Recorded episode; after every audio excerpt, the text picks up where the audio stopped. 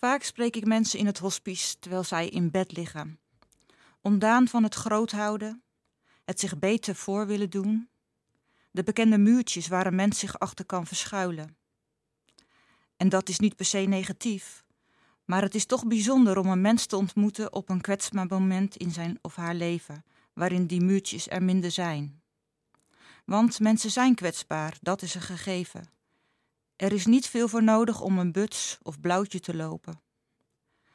Tegelijkertijd is een mens ook verrassend krachtig. Misschien wel juist in een bepaalde overgave aan het leven, aan de dood. Enkele weken geleden ontmoette ik een man in het hospice.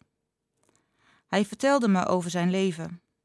Het was een vol en rijk leven, wat in het teken had gestaan van zijn werk als directeur voor een grote organisatie.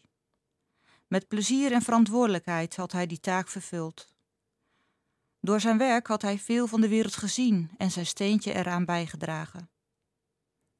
Ruim een jaar geleden was hij met pensioen gegaan. Het was de tijd geweest om samen met zijn vrouw bewust te kijken welke volgende stap ze in het leven wilde zetten. Het werd een ander huis, meer in de natuur, waar ze vrienden en familie konden ontvangen. Maar niet veel later werd hij ziek. Juist toen ik hem vroeg wie voor hem belangrijke anderen waren, stapte zijn vrouw de kamer binnen. De moeite op zijn gezicht verzachtte wat, en ondanks zijn kortademigheid kwam er geleidelijk meer ruimte voor zijn humor. Wat kan een ander van betekenis zijn? De een probeerde de ander op te beuren. Maar beide probeerden de ander ook te ontzien, niet te laten merken wat hun pijn en moeite was. Maar in houden van is en blijft afscheid nemen pijnlijk en moeilijk. Daar ontkomen we niet aan. Toch is er juist in het vertellen, het aangaan van de pijn, in het opnemen van je kruis, verrassend genoeg vaak ook vreugde en ontroering te vinden. En zo ook nu. De lach kwam, de dankbaarheid voor het leven dat ze geleefd hadden, de troost door de mooie dingen die ze samen hadden mogen beleven, de goede herinneringen, die zullen blijven. Zijn vrouw liet ons nog even alleen. Ze wilde haar man ruimte geven voor als er nog dingen waren die hij zonder haar aanwezigheid wilde bespreken. Hij vond het goed. Hij wilde vooral doen wat zij graag wilde, wat zij nodig had. Nu dan, afscheid nemen. Dat kon hij niet, zei hij. Dat vond hij het moeilijkst. Ik vroeg hoe hij dat dan gedaan had toen hij met pensioen ging.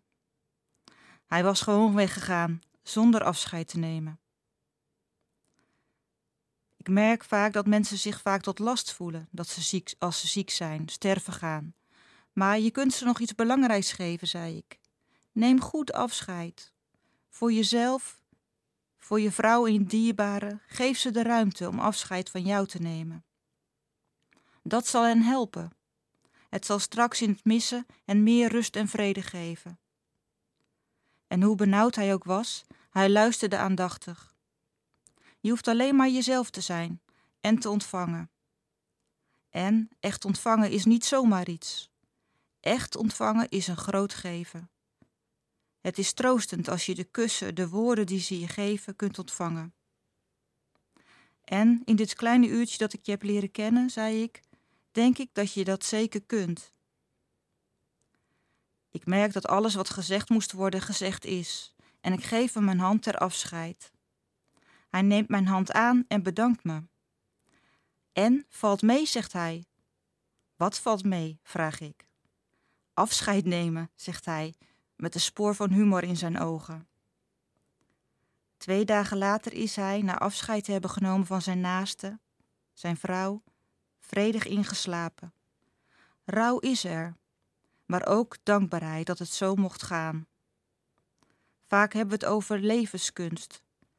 Maar als de tijd ons gegeven is, is op een goede manier sterven ook een kunst.